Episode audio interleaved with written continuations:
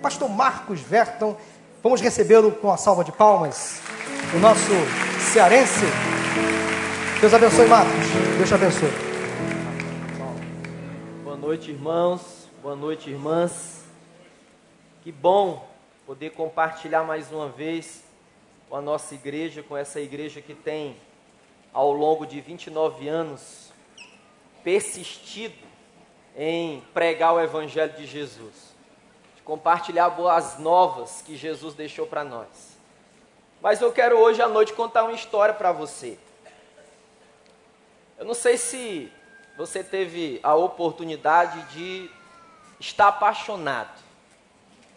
Quantos aqui já tiveram apaixonados ou estão apaixonados? Levanta assim a mão para o alto. Que coisa maravilhosa. Que coisa maravilhosa. A juventude está querendo ali levantar a mão, mas alguns estão com dificuldade, mas o Senhor vai fazer a obra. Vou contar a história de um jovem que eu acompanhei alguns anos atrás. Ele estava numa expectativa muito grande de desenvolver um romance. Ele estava na eminência de fechar o acordo para que o romance pudesse acontecer. E aí ele convida a jovem para ir ao cinema, depois de alguns meses de conversa, conversa vai, conversa vem, conversa vai, conversa vem, e a jovem aceitou ir para o cinema com ele. Aí eles foram ao cinema, ele naquela ansiedade, vai dar certo. E ele pensava toda hora, vai dar certo, vai dar certo, vai dar certo. Ele chegou no cinema, assistiu um filme com ela, eu sei até o nome do filme. Você que é mulher, anota aí, quem sabe você possa assistir depois. Amor à Segunda Vista. Esse era o nome do filme. Aí eles foram para o cinema, etc. E conversando, tal, tal, tal, segurando na mão dela, mão apertando a mão dela aqui tudo mais. Ele muito tenso, nervoso, querendo a expectativa de acontecer alguma coisa. Vieram, foram para casa. Chegaram em casa, ele foi deixar ela no portão e ansioso, se agora que a coisa vai acontecer. Agora que o vento do Espírito vai soprar. Quando esse jovem abre os braços assim de uma maneira assim avassaladora para abraçá-la e dar um beijo nela, ela vira o rosto. Não aconteceu. O sentimento daquele jovem foi um sentimento de fracasso. Claudinho, tira o PowerPoint depois eu peço para você colocar, por favor. O sentimento daquele jovem foi um sentimento de fracasso. Recentemente eu tive numa livraria um dos pastores aqui da igreja, playground de pastor é livraria. Você quer ver a alegria de um pastor é jogar ele dentro de uma livraria. É, é, ali é festa. E a gente olhando os livros, que tinha de coisa interessante, de coisa nova. Eu fiquei impressionado com a quantidade de livro. Como ganhar dinheiro, como se tornar milionário, 10 pensamentos positivos, como aprender inglês em uma semana. Mas eu não encontrei tantos livros que falassem daquilo que aquele jovem sentiu: fracasso. É. Como é que a gente lida com fracasso? O fracasso ele está presente na vida da gente. Talvez ele não foi previsto, talvez ele foi até fabricado, mas ele está presente na nossa vida. E eu quero hoje à noite, na dependência do poder do Espírito Santo, propor um caminho, uma direção à luz da palavra de Deus. Como é que eu, como é que você, ou você que nos acompanha pela internet, pode lidar com o fracasso? É, meus irmãos, o fracasso corrói a nossa autoestima. O fracasso distorce a nossa imagem. Fracassamos quando acreditamos que para ser amados por Deus nós precisamos carregar pedra nas costas ou caminhar quilômetros e quilômetros e quilômetros para sermos amados por Deus. Fracassamos também quando nós rompemos, quebramos o compromisso de amar, de respeitar, de proteger aquele ou aquela a qual nós nos unimos através do casamento. Fracassamos. Fracassamos quando estamos cegos ou cegos para o mal que temos feito a nós mesmos e aos outros. Fracassamos quando usamos a nossa liderança, quando usamos a nossa influência para benefício próprio. E eu quero convidar você agora a abrir a sua Bíblia em Mateus capítulo de número 26. Nós iremos ler do versículo de número 69 ao 74. Nós vamos ver como é que Mateus descreve o encontro de um homem chamado Pedro, discípulo de Jesus. Como é que ele vai descrever o encontro com alguns servos do templo? E diz assim a palavra de Deus em Mateus 26, 69. Pedro estava sentado no pátio e uma criada, aproximando-se dele, disse: você também estava com Jesus, o Galileu. Mas ele o negou diante de todos, dizendo: Não sei do que você está falando. Depois saiu em direção à porta, onde outra criada o viu e disse aos que estavam ali: Este homem estava com Jesus, o Nazareno. E ele, jurando, o negou outra vez: Não conheço esse homem. Pouco tempo depois, os que estavam por ali chegaram a Pedro e disseram: Certamente você é um deles. O seu modo de falar o denuncia. Aí ele começou a se amaldiçoar e a jurar: Não conheço esse homem. Imediatamente um galo cantou. Então Pedro se lembrou da palavra que Jesus tinha dito: Antes que o galo cante, você me negará três vezes. E saindo dali, chorou amargamente. Ô, gente, que história. Talvez você está nos visitando nessa noite. Eu quero posicionar você no que estava acontecendo aqui em Jerusalém nesse momento. Os versículos an anteriores, aliás, os versículos que antecedem esse, vão contar quando Jesus é preso lá no Getsemane. Jesus está com os discípulos ali. Judas chega e diz assim: Olha, eu vou dar um beijo. Em quem eu der o beijo, aquele é Jesus. Aí diz a Bíblia que Judas dá um beijo em Jesus. E os guardas o prendem. Jesus foi levado como preso. Jesus chega diante das autoridades religiosas e perguntam para ele quem é que, que é você, quem é, quem é que você.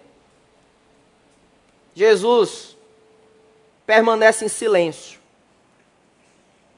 Na mesma hora, Jesus recebe cuspe na sua face.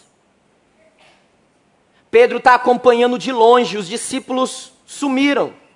Não se achava mais nenhum discípulo. Mas Pedro continua seguindo Jesus. E alguns estudiosos do Novo Testamento dizem que Pedro conseguia ver onde Jesus estava.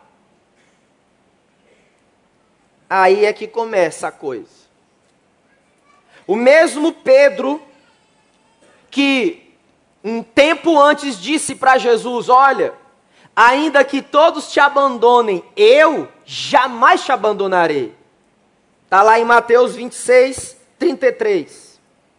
O mesmo Pedro que lá no Getsemane tirou uma faca, uma espada e cortou a orelha de um soldado para que ele não pudesse levar a Jesus. Esse mesmo Pedro, agora ele nega Jesus. Eu coloquei aí umas imagens, ajuda a gente, Claudinho, por gentileza. Para a gente conseguir visualizar o que aconteceu com Pedro, o que estava acontecendo. Eu gosto muito de usar as imagens porque facilita o nosso entendimento. A sensação de Pedro foi a sensação de fracasso. Pedro, ele primeiro nega Jesus. Quando é perguntado, você estava com Jesus? Aí ele diz assim: nem sei do que você está falando. Olha como as coisas mudaram.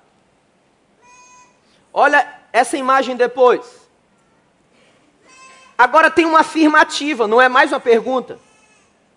Um outro servo, um outro criado diz assim: Olha, você estava com Jesus. Aí Pedro começa a jurar, e é interessante porque isso não era comum dos judeus. Mas Pedro começa a jurar pelo templo, começa a fazer juramento na tentativa de negar que estava com Jesus.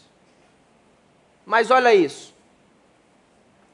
Aí tem uma segunda afirmativa que diz assim: certamente você estava com Jesus.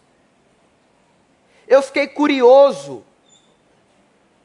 sobretudo nessa afirmativa, porque alguém falou com tanta coragem, olhando para Pedro, que era um discípulo, Talvez eles estivessem ao redor da fogueira. João diz que provavelmente eles estavam ao redor da fogueira. E diz assim: Olha, certamente você estava com Jesus. Sabe por quê? Por algo que vocês percebem quando eu falo. Pelo sotaque de Pedro. Pedro era galileu. E ele tinha um sotaque. E à medida que ele falava, esses guardas afirmaram: Olha, você estava com Jesus. Mas, gente, como é que a gente pode, como é que nós podemos usar o fracasso, seja qual for na nossa vida hoje, como é que a gente pode torcer o fracasso, como é que nós podemos peneirar o fracasso e extrair dele potencial para a nossa vida. Pedro não tinha a intenção de negar a Jesus. Provavelmente Pedro, naquele momento, até estivesse disposto a dar a vida por Jesus. Mas à medida que ele foi confrontado por três vezes, ele não conseguiu fazer. O Dr. Champlin diz que quando a Bíblia se refere a ele chorar amargamente, é que Pedro chorava em voz alta. Meus irmãos, imagine o homem que viu Jesus curar a sua própria sogra. Imagine o homem que sentiu o cheiro de Jesus. Imagine o homem que viu Jesus alimentar uma multidão. E aí ele se vê numa situação e diz assim: Como eu pude negar a Jesus? E ele chora, e ele chora, e ele chora. O fracasso não estava na agenda de Pedro. Mas, como disse para vocês, o fracasso pode fazer parte da nossa vida.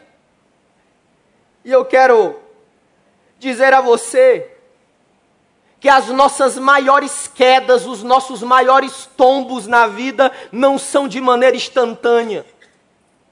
As nossas quedas geralmente são processos que nós vamos nos envolvendo, tomando decisão errada, andando com gente errada, tendo pensamentos distorcidos daquilo que a Bíblia diz.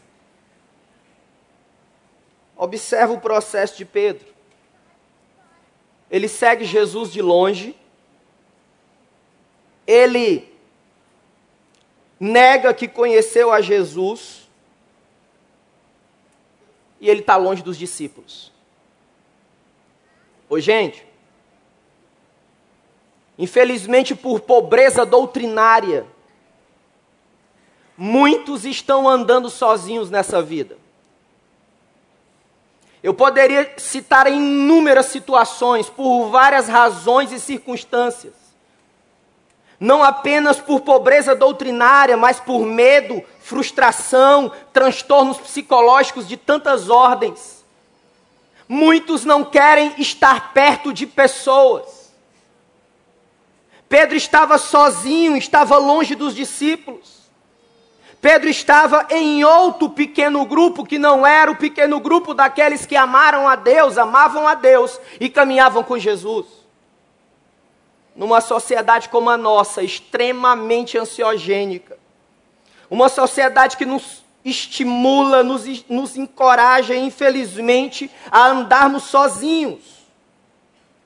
Acabamos sendo tragados por essa verdade.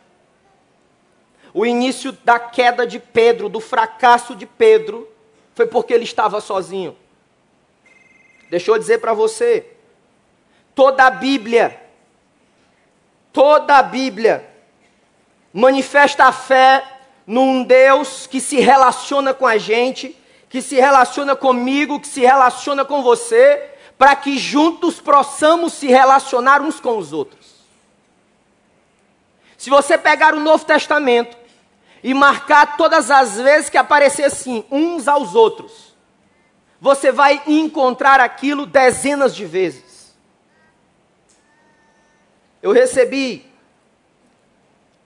um testemunho muito interessante. E a turma hoje não escreve mais carta, como era antigamente, né, pastor Paulo? O pessoal hoje manda o um zap. recebi um zap aqui. Quero ler para vocês. Meu nome é Jonatas. Quando penso numa célula, eu penso na minha vida antes de aceitar a Jesus como meu Salvador.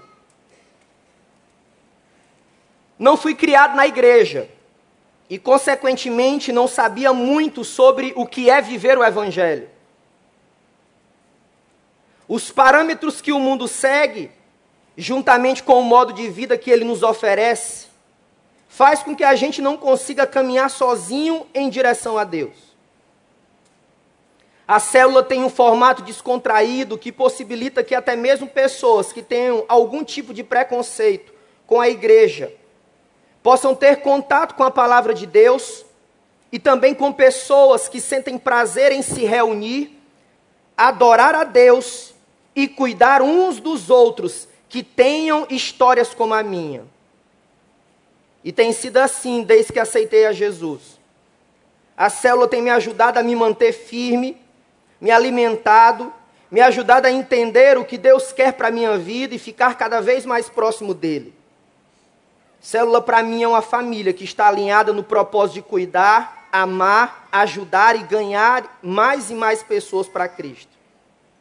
Tenho vivido uma transformação na minha vida através das coisas que Deus tem feito e das pessoas que Ele tem usado ao meu redor. Vivendo uns aos outros é impossível se sentir sozinho e desamparado nessa caminhada. Até mesmo quando não temos uma boa semana ou não estamos bem, porque sei que a minha célula estará para orar comigo e me mostrar que com Deus podemos superar tudo. Eu acho que esse jovem está aí, Jonatas está aí. Fique em pé se você estiver aí, Jonatas, no, no culto. Não sei se ele está aí. Cadê o jovem? Não está aí? Acho que não está aí, né? Mas, gente, isso é um testemunho de um jovem. De um jovem que escolheu fazer diferente de Pedro e caminhar com pessoas, estar junto de pessoas. Tem um outro testemunho aqui do Adriano. Ele diz o seguinte: aproximadamente dois anos cheguei na igreja com a minha família e um domingo fui abordado no corredor por um irmão que me perguntou: Você já tem uma célula? Respondi: não. Em uma semana me ligaram, me convidando para conhecer esse grupo de pessoas que amam a Jesus, que estavam reunindo numa casa. Falei que queria ir, mas na minha cabeça era ir uma única vez. Não tínhamos noção do que era esse grupo. Mas eles começaram a impactar as nossas vidas. Os nossos líderes falavam sobre a importância da regularização da nossa vida e tínhamos que começar pelo casamento, que era a, a área mais difícil, porque achávamos que já éramos casados. Porque morávamos juntos há 14 anos e tínhamos uma filha de 11. Marcamos um gabinete, marcamos um gabinete com um dos pastores da igreja, explicamos a nossa situação, refletimos em tudo que foi dito os nossos líderes em oração, até que começamos o processo de verdadeiramente oficializar o nosso casamento. Vieram as lutas, perdi o emprego e chegamos a adiar a data. Nesse período tivemos apoio não só da célula, mas de outras. Deus cuidou dos detalhes. No dia 6 de agosto de 2017, conseguimos regularizar nossa vida.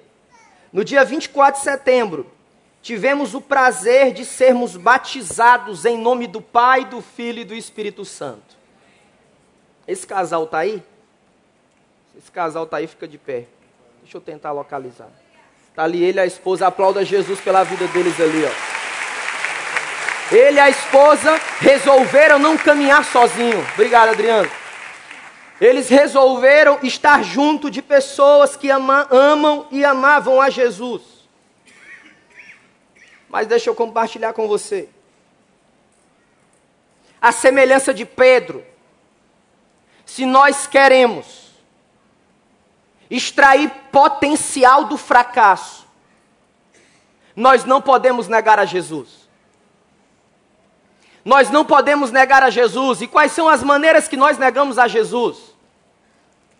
Nós negamos a Jesus, por exemplo, quando ficamos subservientes de uma sociedade adoecida que diz que a arte é a imoralidade. Nós negamos a Jesus quando fazemos de conta que não vemos a entrevista da presidente do Supremo Tribunal Federal, dizendo que se os brasileiros soubessem os problemas das cadeias do Brasil, ficariam sem dormir. Nós negamos a Jesus quando somos indiferentes, alheios ao sofrimento, à dor física, à dor psicológica, à dor espiritual que outros estão vivendo ao nosso redor. Negamos a Jesus de tantas maneiras. Mas sabe qual é a boa notícia? De que talvez você, como eu, também tenha fracassado em alguma coisa, em alguma área da sua existência, da sua história. Mas eu quero compartilhar com você que a boa notícia é que se nós queremos extrair potencial do fracasso, nós precisamos olhar aonde nós caímos e entender que aquela queda, que aquele tropeço, é para nos balançar, é para nos dar um choque de realidade, nos abrir para que o Espírito Santo quer fazer em nós e através de nós. É, meus irmãos, é possível que ao longo da jornada na sua vida, na sua juventude, você tenha se quebrado é possível que sonhos extraordinários que Deus plantou no seu coração ainda não se realizaram porque você fracassou em obedecer a Deus, em seguir os seus passos, a honrar o nome dEle. Ou talvez foram decisões que não foram bem pensadas. Sabe o que, é que o fracasso aponta para nós? A necessidade de melhorar como gente, a necessidade de melhorar como pais, a necessidade de melhorar como mães, a necessidade de melhorar como discípulos de Jesus, a necessidade de melhorar como empresários, a necessidade de melhorar como trabalhadores. Gente, o fracasso não é para nos destruir, mas o fracasso é para nos chacoalhar, nos colocando diante da realidade, para que possamos dizer: Jesus, manifesta o teu poder e a tua glória em mim e através de mim. Você crê nisso? Uma segunda, uma segunda pérola para você segurar nas mãos. Se você quer extrair potencial do fracasso, você precisa olhar o fracasso não mais de maneira distorcida, porque presta atenção. Dr. Aaron Beck, um dos criadores da terapia cognitiva comportamental, ele estudou os sonhos de pessoas que tinham indicadores de depressão. E ele disse que quando essas pessoas relatavam o sonho, o fracasso sempre aparecia. Estava lá, fracasso. Sabe por quê? Porque quando nós estamos vivenciando alguma coisa dessa magnitude que Pedro vivenciou, nós acabamos distorcendo a realidade e a visão sobre nós mesmos. Por quê? Porque estamos sendo esmagados pelo fracasso. Porém, ele vai nos ajudar a manter o foco naquilo que é o nosso objetivo. Mas como? Parece loucura. Não, não é loucura. Davi fracassou no seu compromisso com Deus.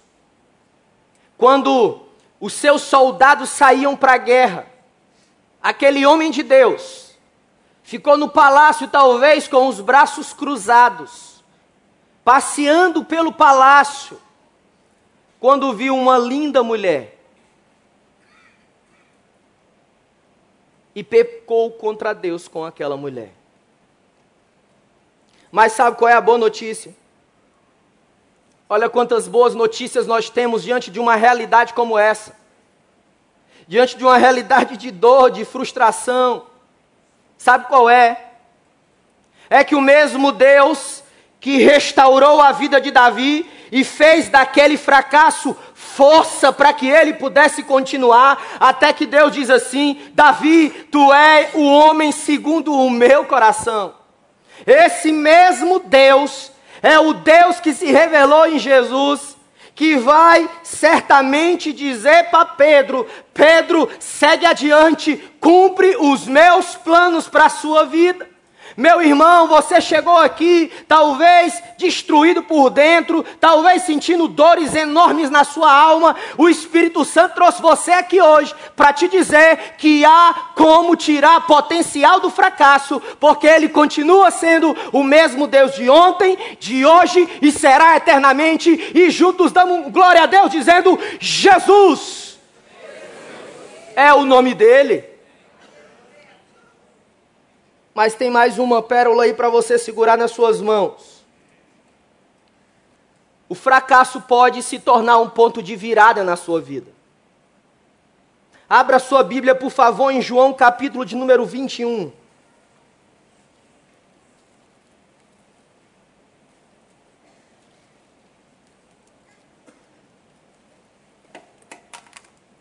Coloque os olhos, por favor, no versículo de número 15.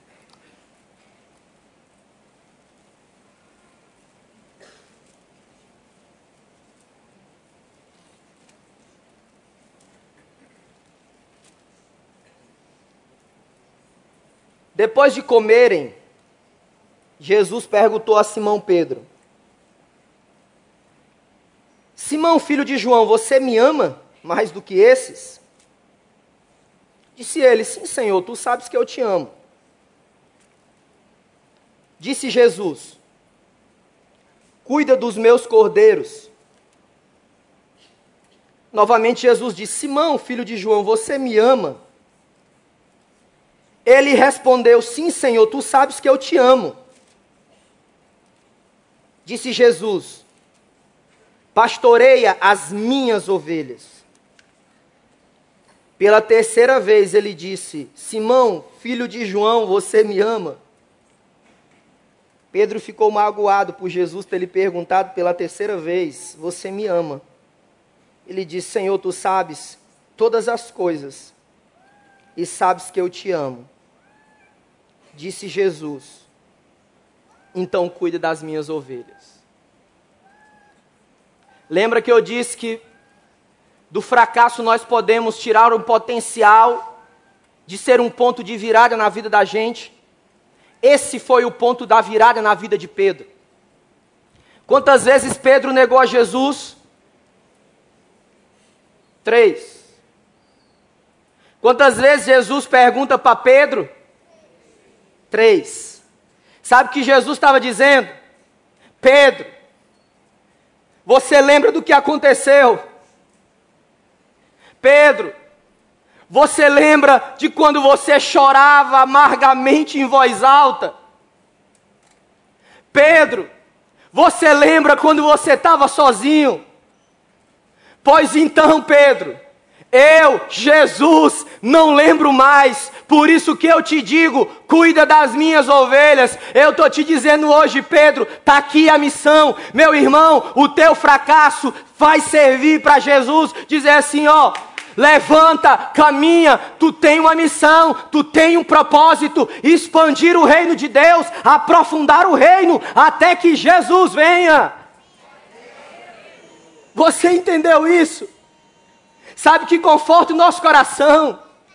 É que não importa a quantidade de vezes que nós fracassamos, mas Jesus ama a gente. Jesus está todo dia, ei, eu amo você, ei, eu dei a minha vida em seu favor, ei, levanta a cabeça, segue, vai, porque eu estou contigo.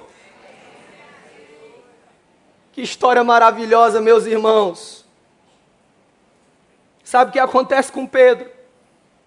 Atos capítulo 2, verso 14. Pedro se levanta quando a igreja estava nascendo. Atos 1, 8, o Espírito Santo desce sobre os discípulos. E quem se levanta para pregar a palavra? Eu fico imaginando Pedro que havia fracassado, só que ele já havia tido um encontro poderoso com Jesus. E aí Pedro levantando assim as mãos, trazendo à memória a palavra de Deus, e Pedro dizendo assim: "Olha, este Jesus que foi crucificado", e Pedro dizendo: "Ele é Deus, ele nos ama, ele veio", e Pedro pregando a palavra, pregando, pregando, três mil pessoas se converteram naquele dia. Meus irmãos, os fracassos não podem nos destruir quando nós entendemos o projeto de Deus, o propósito de Deus. O inferno se levanta, mas Deus vai cumprir o seu propósito. Que maravilha! Queria que você curvasse a sua fronte.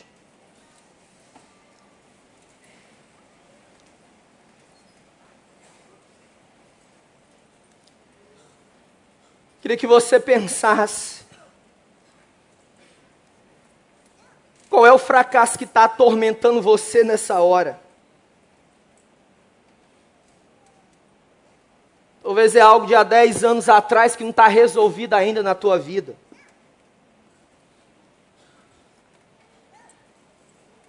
Talvez foi um sonho mal planejado, mal estruturado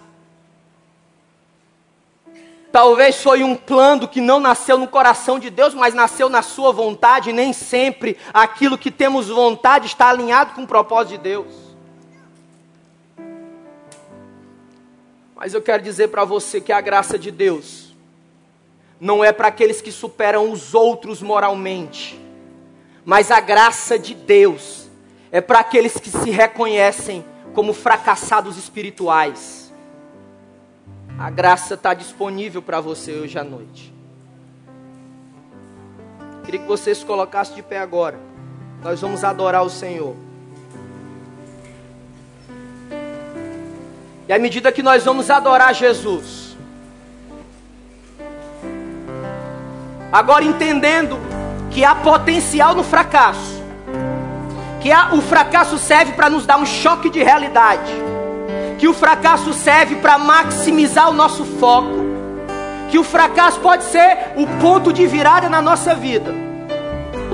Quando nós vamos adorar, eu quero convidar você que diz assim: olha, eu quero extrair potencial do fracasso, eu quero entender quem é Jesus, eu quero experimentar Jesus. Eu quero novamente dar uma chance às pessoas, porque eu quero ver Jesus através da vida das pessoas. De uma maneira racional, eu quero convidar você a sair do seu lugar e vir aqui. Eu quero orar com você. Pode sair do seu lugar em nome de Jesus. Se quebrado. Eu quero orar com você. Pede licença, eu quero orar com você. E o pecado é pesado demais. Jesus te chama. Fim de si mesmo chegou e sua fonte de água secou. Jesus te chama.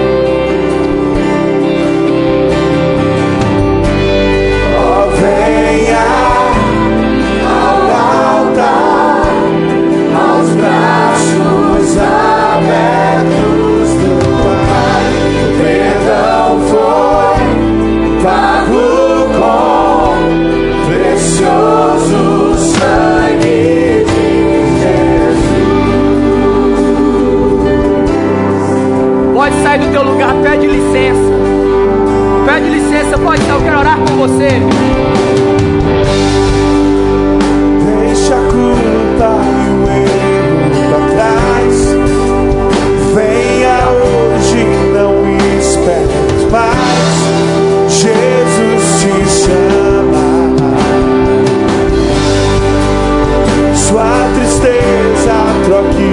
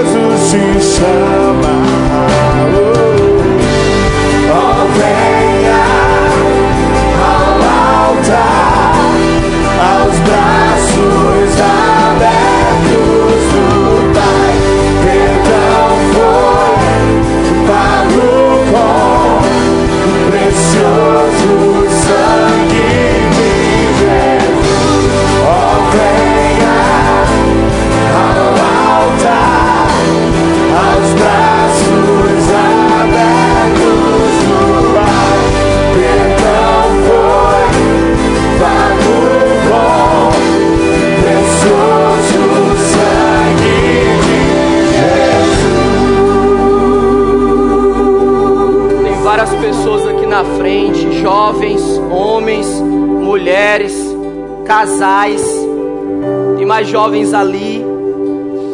Quero fazer um outro apelo. Quero fazer um apelo para você. Se você diz assim, olha, eu já creio em Jesus. Pois é. Quando a gente crê em Jesus, a gente faz o que Jesus falou para fazer. E Jesus falou do batismo. O batismo nunca foi e nunca será uma opção. O batismo não é quando todos os meus problemas estiverem resolvidos. Isso não existe. Mas o batismo é para aqueles que dizem assim: Olha, eu entendi que Jesus é o Deus que se fez carne, é o Deus que sofreu também, é o Deus que chorou, é o Deus que amou, é o Deus que se entristeceu em forma de gente. Enquanto nós vamos louvar o refrão dessa canção,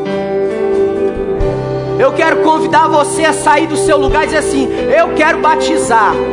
Eu quero obedecer a Jesus. Sabe por quê, irmãos? Nós vivemos numa geração que quer fazer as coisas pela metade. Eu sou dessa geração. É a geração assim, ó. Eu até vou morar junto contigo, mas eu não caso com você, porque é só um papel. É só um papel. Só que deixa eu dizer para você, jamais esquecer o que eu vou falar agora em nome de Jesus. Nós precisamos aprender a honrar as pessoas em todas as dimensões. Lembra a história daquele jovem? Ele achava que tinha experimentado um grande fracasso. Mas ele não sabia, como Pedro não sabia, o que Jesus ia fazer.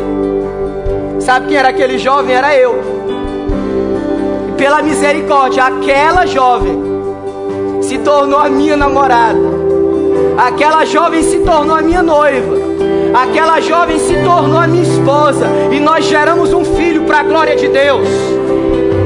Vocês não têm noção do que Jesus pode fazer com o nosso fracasso. Então, precisamos honrar. Se nós amamos, nós honramos juridicamente através das leis da República. Se nós amamos, nós honramos socialmente através da aliança se nós amamos, nós honramos espiritualmente, orando a Deus. Senhor, abençoa essa mulher que tu me deu. Senhor, abençoa esse homem que tu me deu. É honra completa. Então, se você quer batizar, nós vamos louvar essa canção. A gente ainda tem tempo. Eu quero convidar você a sair do seu lugar. E se você também quer renovar o compromisso com Deus, você vem também, nós vamos orar por você. Pode sair em nome de Jesus. Pode sair do teu lugar em nome de Jesus. Oh, Salvador,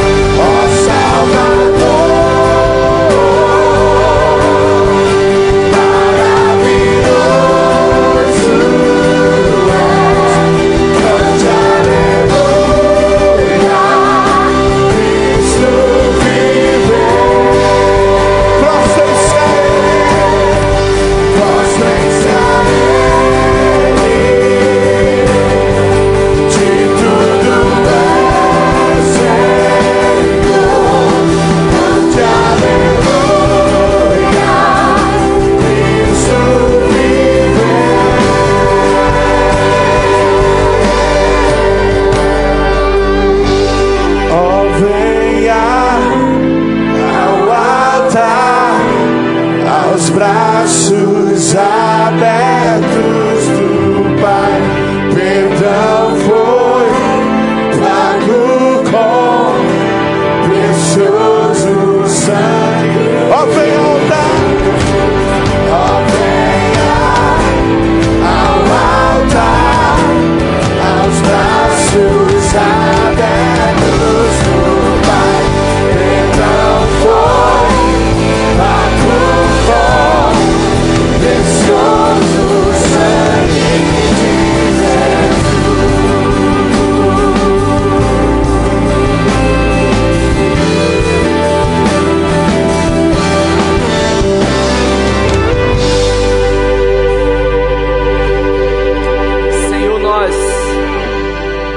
Agradecemos por esse tempo juntos aqui nessa noite. Tem pessoas aqui. E o Senhor deu a vida por pessoas, por nós. Espírito Santo, que dos nossos fracassos possamos extrair potencial para seguir adiante, para viver nesse mundo, tendo a tua palavra, como diz o salmo, como lâmpada para os nossos pés e luz para o nosso caminho. Senhor, ajuda cada um desses irmãos e irmãs, que o fogo do teu espírito quebre cadeias, desate nós e possa levar cada um deles ao entendimento que nós precisamos viver comunidade, estarmos juntos. Nas quintas, nos domingos, nós nos encontramos para celebrar o triunfo de Jesus como igreja. E durante a semana, nas casas, para abençoar, ministrar uns na vida dos outros, saber o nome uns dos outros, servir juntos, até que Jesus Cristo venha batiza no Espírito Santo aqueles que tomaram a decisão ao lado do Senhor, renova a aliança, o compromisso, aqueles que estão esmorecidos na fé, que estão cansados, que o Senhor dê ânimo novo para seguir adiante. Amém. Juntos nós oramos no poder daquele que a sepultura não o conteve. O seu nome é simplesmente Jesus. Se você crê nisso, aplauda ao Senhor o mais forte que você puder. Jesus, Santo, Santo, Santo, Santo é o nome do Cordeiro de Deus. Jesus é o seu nome. Jesus é o seu nome.